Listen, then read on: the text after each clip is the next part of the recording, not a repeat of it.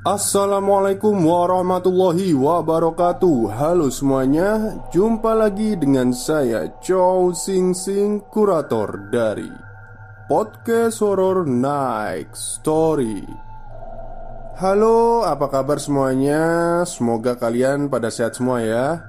Dan seperti biasanya pada malam hari ini Saya kembali dan akan membawakan sebuah kisah mistis Untuk kalian semua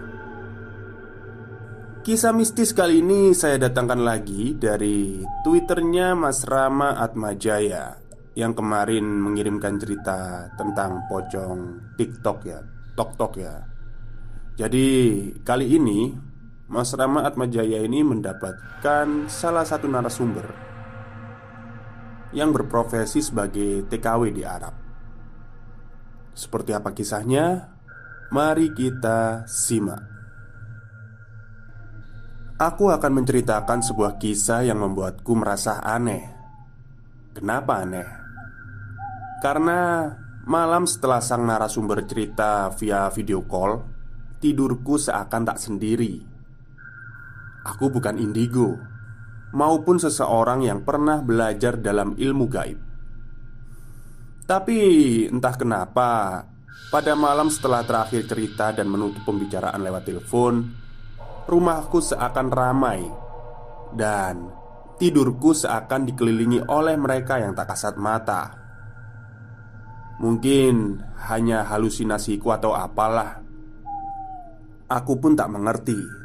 Tapi pada malam itu, seakan aku merasa dari arah kepala sampai kaki dan sebelah kiriku begitu banyak gangguan. Sampai-sampai aku dengerin ayat-ayat rukyah yang aku download dan aku putar melalui headset.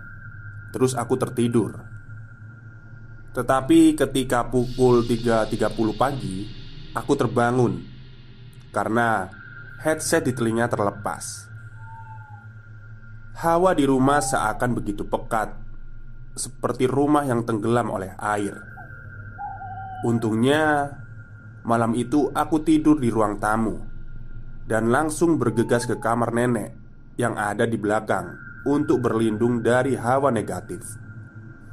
Karena seperti biasa Nenek pasti sholat tahajud. Baru beberapa langkah Aku tak sadarkan diri sepersekian detik Dengan kaki yang masih melangkah. Aku coba kuatkan lagi untuk melangkah. Namun Kesadaran kembali hilang sepersekian detik.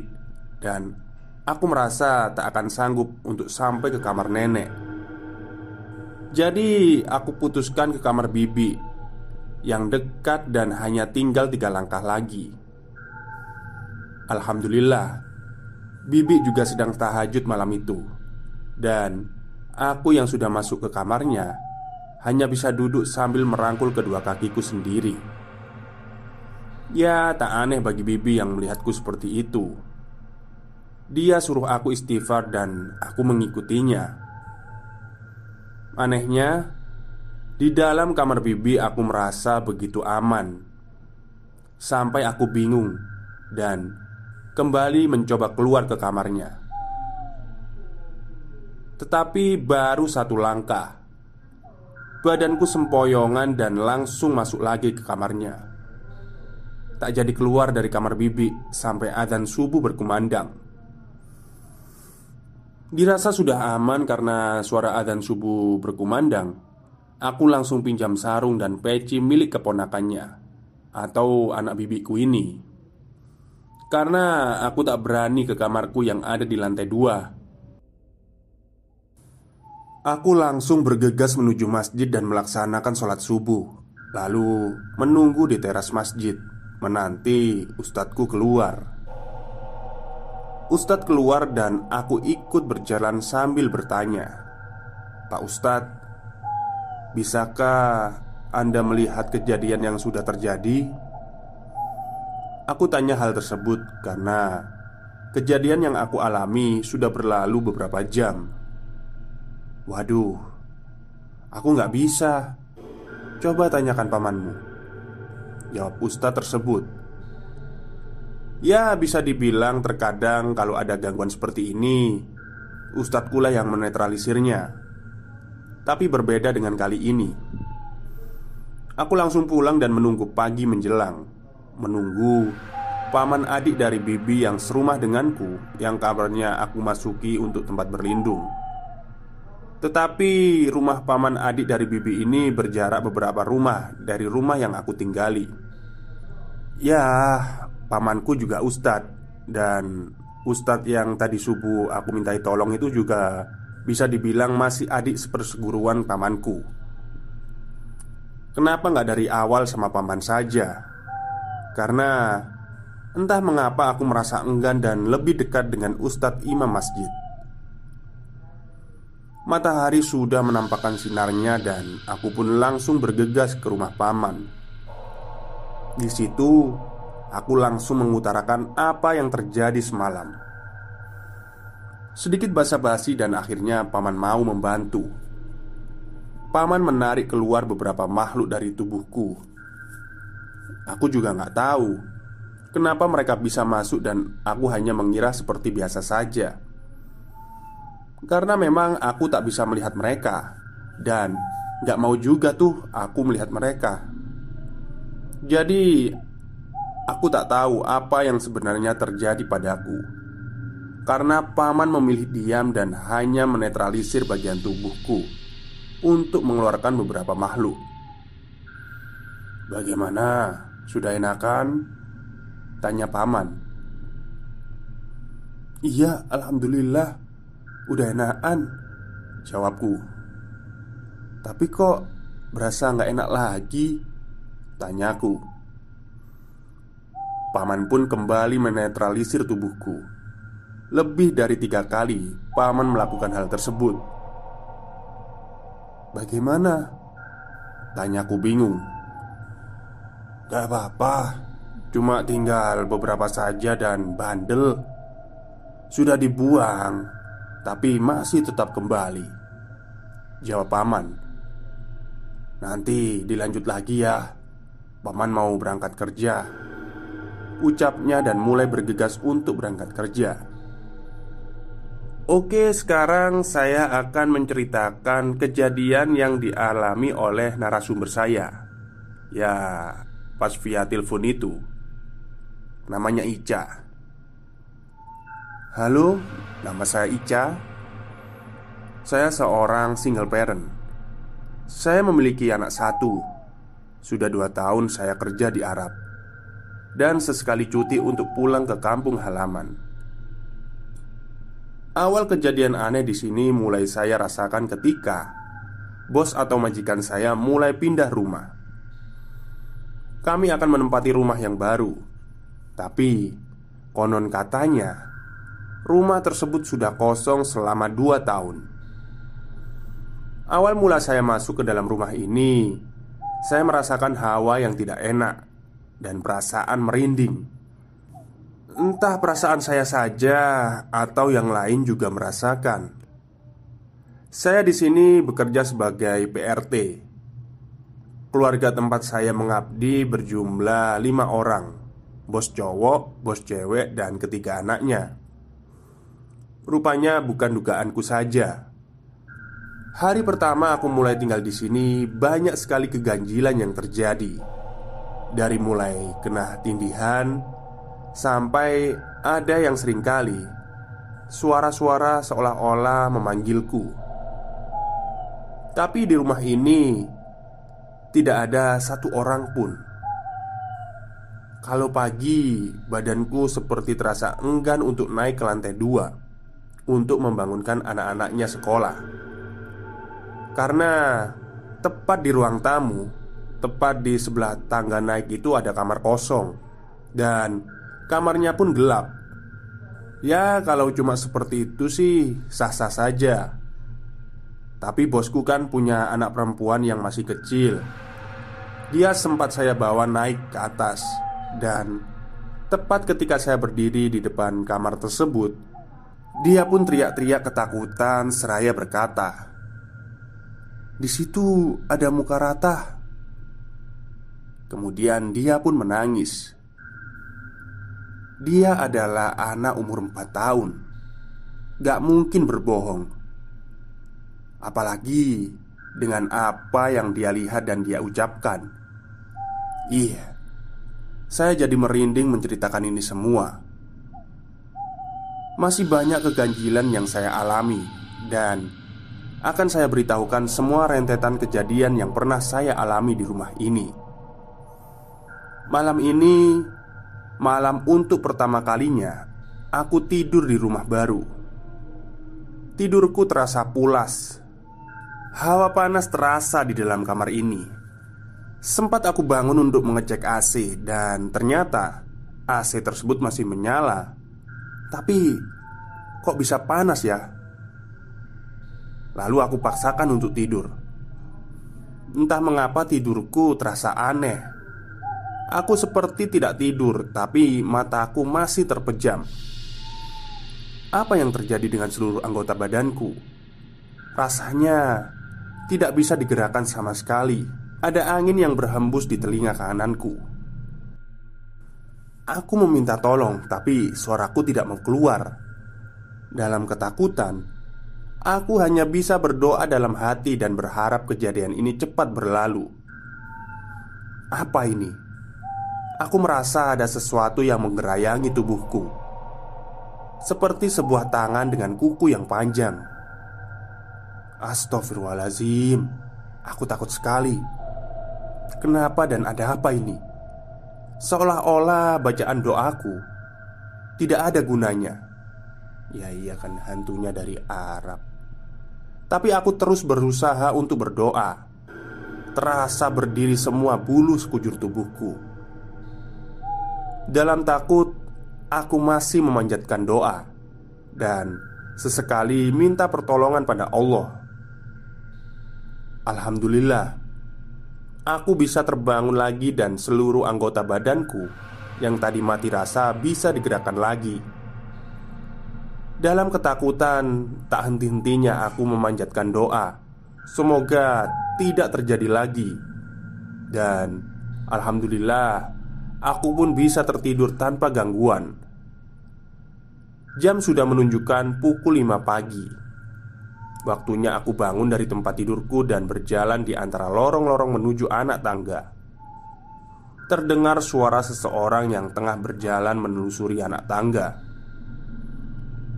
Aku berpikir, kayaknya sudah ada yang bangun. Mariam, Mariam, apa itu kamu? Aku mencoba memanggil anak perempuan majikanku, tapi tidak ada balasan. Aku pun masih terdiam di bawah anak tangga sambil berharap kalau itu memang salah satu dari mereka. Dan aku pun mencoba untuk memanggil nama anak laki-laki majikanku, namanya Safwan. Tapi tidak ada satupun dari mereka yang menjawab. Akhirnya aku beranikan diri beranjak dan mencoba menelusuri anak tangga satu persatu Dan suara langkah kaki itu pun sudah tidak terdengar lagi Sesampainya di atas, aku tidak melihat siapa pun di sana Seketika, bulu kuduku merinding. Apalagi ketika menoleh ke kamar kosong. Yang tepat di kamar tersebut adalah kamar pertama yang aku jumpai. Kamar yang gelap. Serasa aku seperti melihat sesosok bayangan Yang ada di tengah kamar tersebut. Tapi Aku benar-benar tidak berani untuk mendekatinya. Dengan kaki yang terbata-bata Aku terus berusaha melangkah ke kamar berikutnya. Kamarnya Safwan dan Aku berusaha untuk membangunkannya. Memang susah sekali untuk membangunkan si Safwan. Sudah diketok beberapa kali Tapi dia belum juga terbangun. Dan terdengar ada balasan tok tok tok Seperti seseorang yang sedang mengotok tembok. Dan arahnya dari kamar sebelah. Kamar kosong yang baru saja aku lewati. Merinding dan keringat dingin membasahi seluruh tubuhku. Dalam hati aku berucap Safwan Ayolah cepat bangun. Dan Alhamdulillah Akhirnya dia bangun juga. Dan akhirnya Aku bisa melangkah ke kamar sebelah Untuk membangunkan Maryam. Tok tok. Tok Maryam. Bangun Maryam. Oh Terdengar balasan dari suara Maryam. Tidak butuh waktu lama untuk membangunkannya. Saatnya aku turun dan mengerjakan tugasku Aku pun kembali dengan jalan cepat dan langsung menuruni anak tangga tanpa ingin menoleh ke kamar kosong yang ada di sebelah. Sehabis sholat subuh, saya mulai beranjak ke dapur untuk memasak. Awalnya memang tidak ada suatu hal yang ganjil Sampai Satu persatu orang rumah meninggalkan rumah Tinggal saya dan si bungsu yang masih kecil Dia masih belum bangun dari tidurnya. Sebut saja namanya Khadijah. Saya pun masih asyik di dapur dari bersih-bersih, mencuci Sampai akhirnya saya masak. Tiba-tiba ada suara laki-laki yang memanggil dari arah ruangan tengah. Tanpa pikir panjang, saya pun membalasnya dan meninggalkan dapur, mencari sumber suara tersebut. Aku terdiam sesaat. Tidak ada satu orang pun di rumah ini selain aku dan Khadijah yang belum terbangun. Lagian, Suara tersebut tidak mungkin kan suaranya Khadijah Dalam hati aku hanya bisa berdoa Meminta perlindungan kepada Allah seraya kembali ke dapur Sekarang waktunya aku bersih-bersih seluruh bagian rumah. Singkat cerita Tinggal area atas saja yang belum aku bersihkan. Waktu itu aku tidak sendirian. Ada anak bungsu majikanku yang sudah bangun. Seraya sambil bersih-bersih Dia ada di sampingku. Sekarang waktunya aku naik ke lantai dua Dan tak mungkin aku meninggalkan Khadijah sendirian di bawah Sambil menggendongnya Aku pun naik ke lantai atas. Satu persatu kakiku menginjak anak tangga. Setibanya di atas Tepat di kamar pertama Khadijah pun berteriak Hunaka waj'un maksuron. Atau artinya Ada muka rusak. Sambil beberapa kali mengucapkan kalimat tersebut Aku pun kaget dan takut Tapi aku harus bagaimana? Sedangkan ini kan memang tugasku sebagai PRT Akhirnya aku pun lari keluar sambil menggendong Khadijah mencari ketenangan pikirku. Aku mencoba menenangkan diri sambil melihat halaman rumah. Waktu itu memang sudah pagi, tapi kenapa hawanya begitu mencekam di rumah baru ini? Khadijah memang anaknya masih kecil, tapi dia juga pandai berbahasa Inggris. Sampai-sampai membuatku harus bisa menguasai dua bahasa, Arab dan Inggris. Hunaka wajhun maksuran in empty room Ucap Khadijah Ini anak maksudnya apa ya? Mencampurkan bahasa Arab dan bahasa Inggris. Saya yang sudah mengabdi dua tahun di keluarga ini Tidak terkejut dengan percakapan yang dilontarkan sama Khadijah. Hari-hari dia memang lebih sering menggunakan bahasa Inggris. Kadang-kadang dia mencampurkan dengan bahasa Arab. Mungkin tidak tahu apa yang harus dia ucapkan dengan bahasa Inggris, makanya dia mencampur-campur katanya. Saya pikir nanti sajalah ke lantai atas. Lagian kerjaan sudah selesai semua. HP saya tidak memakai SIM card. Saya hanya memakai WiFi yang ada di rumah untuk berselancar ke dunia maya. Sambil asyik buka-buka sosial media Khadijah pun sepertinya asyik sendiri bermain seolah-olah ada yang menemaninya. Zambi, Zambi Ucap Khadijah sambil menunjuk arah pagar Zombie? Di mana ada zombie? Tanyaku dalam hati Tapi dia hanya bilang Zambi, Zambi Sambil menunjuk arah pagar depan rumah Aku kira ketika aku keluar akan merasa tenang Tapi semua tetap sama saja Aku bingung, seakan tidak kuat lama-lama kerja di sini. Untuk mencoba membuyarkan suasana, aku bercandain Khadijah sambil menunggu kakak-kakaknya pulang sekolah. Singkat cerita, si Safwan pulang. Assalamualaikum, ucap Safwan dari kejauhan. Waalaikumsalam, udah pulang? Tanyaku. Iya, Bi, saya udah pulang Ucap Safwan Loh Bibi kenapa duduk di luar?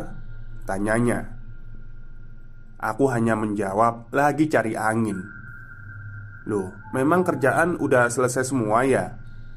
Tanya Safwan Belum Tinggal beres-beres lantai atas saja Tapi Bibi capek Dan lagi nyari angin sebentar. Sambil menitipkan Khadijah sama kakaknya Aku pun memberanikan diri untuk menyelesaikan tugasku di lantai atas. Dengan cepat dan rasa was-was Aku berusaha untuk menyelesaikan pekerjaanku. Tiba-tiba Lampu di aula lantai dua tempatku lagi bersih-bersih itu mati dengan sendirinya Aku pun mendengar seperti ada seseorang yang sengaja mematikan lampu tersebut. Safwan, jangan bercanda. Gak lucu loh. Kataku sambil teriak. Tapi tak ada balasan sama sekali. Waktu siang di daerah ini memang minim cahaya. Jadi, kalau lampunya mati, ruangan di sini pun gelap. Tanpa berpikir yang tidak-tidak, Aku pun kembali menyalakan lampu dan melanjutkan pekerjaanku. Tidak terasa musim liburan telah tiba. Di keluarga ini, kalau sudah mau musim liburan, anak-anaknya nggak boleh pegang HP. Kini HP mereka dikumpulkan jadi satu dan disimpan sama Baba, bos laki-laki saya atau ayah mereka, di tempat yang hanya dia yang tahu. Walau tanpa handphone, Sofwan masih bisa menghilangkan kebosanannya dengan main game. Ya, di kamarnya ada PS4 dan bisa dimainkan secara online. Dia habiskan waktu buat main game dan tiba-tiba dari dalam kamar dia berteriak, "Woi, siapa sih yang matikan wifi?" Saya yang terdengar teriakannya pun bergegas keluar kamar dan menuju ruangan yang ditempatkannya router wifi. Saya melihat dia kebingungan memandangi router yang mati sambil saya sempatkan bertanya, "Ada apa, Wan?" tanyaku. "Ini saya ngecek wifi, siapa sih yang mematikannya?" Tapi setiba di sini nggak ada orang. Jawab Safwan. Memang Saya juga melihat router dalam keadaan mati. Seakan ada yang mematikannya. Tit. Terdengar suara router yang tiba-tiba menyala sendiri. Dan sekarang Saya dan Safwan terdiam Sambil menatap satu sama lain tanpa berkata, kami bergegas menuju ke tempat kami masing-masing. Tidak aneh bagi saya yang sudah terbiasa dengan rumah ini kalau sendirian. Setibanya di kamar, saya sempatkan untuk merebahkan tubuh. Dalam pikiran saya waktu itu, mumpung hari libur, kerjaan pun tidak terlalu menumpuk. Sejenak saya ingin tidur siang, tapi saya sempatkan untuk melihat sosial media dulu. Apakah ada orang rumah saya yang sedang online? dan ternyata tidak ada yang online. Memang karena beda waktu dan beda tempat juga sih. Kalau di sini siang, pasti di sana malam. Akhirnya saya pun tertidur, tapi lagi-lagi saya kena tindihan. Seperti biasa, badan dan mulut saya susah untuk digerakkan. Tapi seakan saya tidak tertidur. Saya melihat ada siluet hitam tepat di depan mata saya. Takut bercampur keringat dingin dalam hati, saya mencoba untuk membaca ayat kursi, tapi ada yang aneh. Aku yang sudah hafal ayat kursi, kenapa bacaanku berputar-putar seakan lupa dengan bacaannya? Oh, saya juga sering baca ayat kursi, tapi muter-muter ya. Saya ulang bacaan ayat kursi tersebut, dan seketika Sampai di tengah bacaan, saya selalu lupa dan mengulang lagi bacaannya dari awal. Bacaan yang terus berputar-putar membuatku bingung, apalagi sedikit demi sedikit siluet hitam itu mendekat. "Eh, Bi, bangun, bangun!" ucap Maryam sambil menggoyang-goyangkan badanku. Maryam yang tiba-tiba masuk ke kamar saya Waktu itu dia mendengar saya seolah-olah mengerang dalam kamar Alhamdulillah Dalam hati saya berkata Nggak ada apa-apa kok Maryam Jawabku Kena tindihan ya? Tanya dia sambil tersenyum Belum sempat saya menjawab Dia melanjutkan bercerita Kalau dia juga pernah kena tindihan Padahal dari dulu dia tidak pernah merasakan bagaimana rasanya tindihan. Memang benar, bukan saya saja yang mengalami hal-hal aneh ketika kita pindah ke rumah ini. Waktu terus berlalu, tidak terasa hampir dua tahun semenjak kami tinggal di rumah baru ini. Maaf, saya lupa menceritakan kejadian pada waktu masih musim liburan. Di situ saya ceritakan kalau HP mereka kan disita sama Baba dan disimpan sama Baba di suatu tempat. Hanya dia yang tahu. Singkat cerita, Baba teriak-teriak. Dia bilang kalau handphone mereka hilang. Ditanya seisi rumah satu persatu siapa yang mengambil handphonenya, dan tentu saja tidak ada yang tahu. Lagian dia yang nyimpan.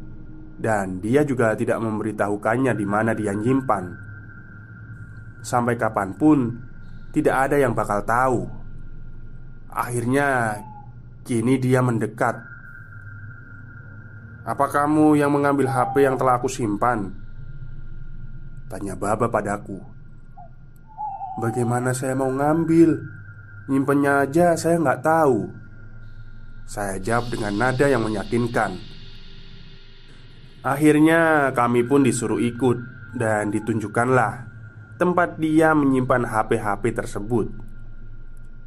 Tadi malam saya simpan di sini, tapi paginya sudah nggak ada. Ucap dia dengan nada kesal. Sambil mendekat ke arah brankas, dia masih mencoba mencarinya. Tapi tak ditemukan satu HP pun. Akhirnya, kami disuruh menyisir di setiap sudut ruangan yang ada di tempat tersebut. Tapi memang gak ada. Pasrahlah mereka, dan akhirnya mereka pun hidup tanpa HP. Tiba-tiba, jeblak, lampu pun padam. Seolah-olah ada yang memadamkan lampu di ruangan itu. Padahal Saklar ada di dalam. Tidak mungkin ada orang luar yang melakukannya. Waktu itu ada majikan perempuan Sebut saja Umi. Dia sama anak bungsunya Memang pada saat itu di luar Aku yang didorong sama mereka dari belakang Untuk menyalakan lagi lampu yang tadi seolah-olah Ada yang memadamkannya saya beranikan diri untuk melangkah dan lampu pun kembali menyala. Aku memutar badan untuk menuju ke arah di mana mereka berada. Baru saja satu langkah, jeblak. Lampu kembali padam. Waktu itu, saya hanya bisa beristighfar dan mencoba untuk menyalakan lampu kembali untuk kedua kalinya. Belum sempat aku melangkah, jeblak. Lampu kembali padam dan mereka pun akhirnya kabur, lari tunggang langgang. Tapi tidak hanya sampai di situ. Saya yang ikut lari mengikuti mereka, akhirnya berhenti di ruang tengah. Kejadian menakutkan itu bukan sampai di situ saja. Kami yang waktu itu berkumpul di ruang tengah mendengar sesuatu yang bikin kami kaget. Prang, prang, Suara yang terdengar dari dapur Seolah-olah ada seseorang yang mengamuk dan melemparkan semuanya Dengan perasaan yang takut dan penasaran Kami pun mencoba untuk memberanikan diri menuju arah dapur Perabotan dan barang-barang lainnya yang ada di dapur sudah berantakan Dan seketika itu Kami melihat sekelebat bayangan hitam Ya, kami, kami semua melihat bayangan itu di antara dua tembok. Tidak lama kami balik ke ruang tengah. Setelah saya membereskan barang-barang yang berserakan itu, tidak menunggu waktu lama, terdengar lagi suara yang sangat keras. Pintu yang sedang dibanting. Arahnya dari atas, tepat di kamar kosong yang ada di dekat tangga. Sekali lagi, kami pun mengecek ke kamar tersebut. Kami tidak melihat siapa-siapa di sana, tapi Sofwan lari ketakutan turun ke ruang tengah. Karena merasa takut, kami pun ikut turun dan bertanya kenapa dia berlari. Di, di, di situ tadi saya melihat bayangan nenek-nenek. Dia menggandeng anak kecil saya yang tidak tahan akhirnya memberanikan diri dan bilang, "Tuan, apa kita tidak memanggil Ustadz saja untuk mengusir mereka?" Ucap saya menyarankan. "Memangnya kamu mau membayar Ustadz tersebut?" Ucap Baba dengan nada yang sedikit marah. Singkat cerita, akhirnya HP-HP yang hilang tersebut ketemu di tempat yang sama seperti waktu hilang itu. Konon bukan HP saja. Baba juga pernah kehilangan uang di tempat itu dan selang beberapa lama uang tersebut akhirnya ketemu kembali di tempat yang sama. Seolah-olah ada yang menutupi mata mereka sehingga tidak bisa melihat barang tersebut. Sekian untuk cerita hantu Arab. Sebenarnya masih ada sedikit cerita yang Ica sampaikan Tetapi Sudah satu tahun lebih Jadi aku agak lupa Dan salahnya waktu itu Aku tidak menulisnya Sekarang Ica sudah pulang ke kampung halamannya. Dan dia tidak mau melanjutkan cerita ini Karena dia sudah trauma dengan kejadian-kejadian di sana. Di awal treat aku menceritakan kejadian yang aku alami setelah mendapatkan cerita dari Ica. Dan waktu itu Aku langsung menulisnya di Facebook. Waktu itu di sini malam dan di sana siang Kita cerita dari via video call Dan saat itu dia sedang duduk di teras Dengan anak majikannya. Anak itu sibuk main dan ngobrol sendiri dan tak berselang lama Dia teriak sambil menunjuk arah pagar. Zombie, zombie. Lalu Ica langsung bilang kepadaku Tuh kan bener Memang selalu seperti itu Malam itu setelah Ica bercerita Keranjang tempat tidurnya bergoyang-goyang dengan hebat. Membuatnya harus berteriak dan beristighfar. Dan Kejadian yang janggal lagi adalah Semakin seringnya dia kena tindihan. Dan Dia pun tak mau lagi bercerita sampai sekarang, walau sudah pulang ke kampung halamannya. Oke, terima kasih kepada Mas Rama Atmajaya dan narasumbernya, Mbak Ica, seorang TKW yang bekerja di Arab dan sekarang sudah pulang ya di kampung halaman. Jadi, kalau saya membaca ceritanya, memang ada sesuatu yang ganjil di rumah itu, terlebih di kamar kosong itu, ya. Sepertinya jahat sekali lah penghuni di sana. Dan saya salut Meskipun ada gangguan itu Mbak Ica tetap membaca ayat kursi Tapi kan setannya Arab ya Jadi mereka juga bisa bahasa Arab Tapi nggak apa-apa lah Namanya juga usaha Oke, mungkin itu saja yang bisa saya sampaikan pada malam hari ini. Kurang lebihnya, saya mohon maaf. Assalamualaikum warahmatullahi wabarakatuh.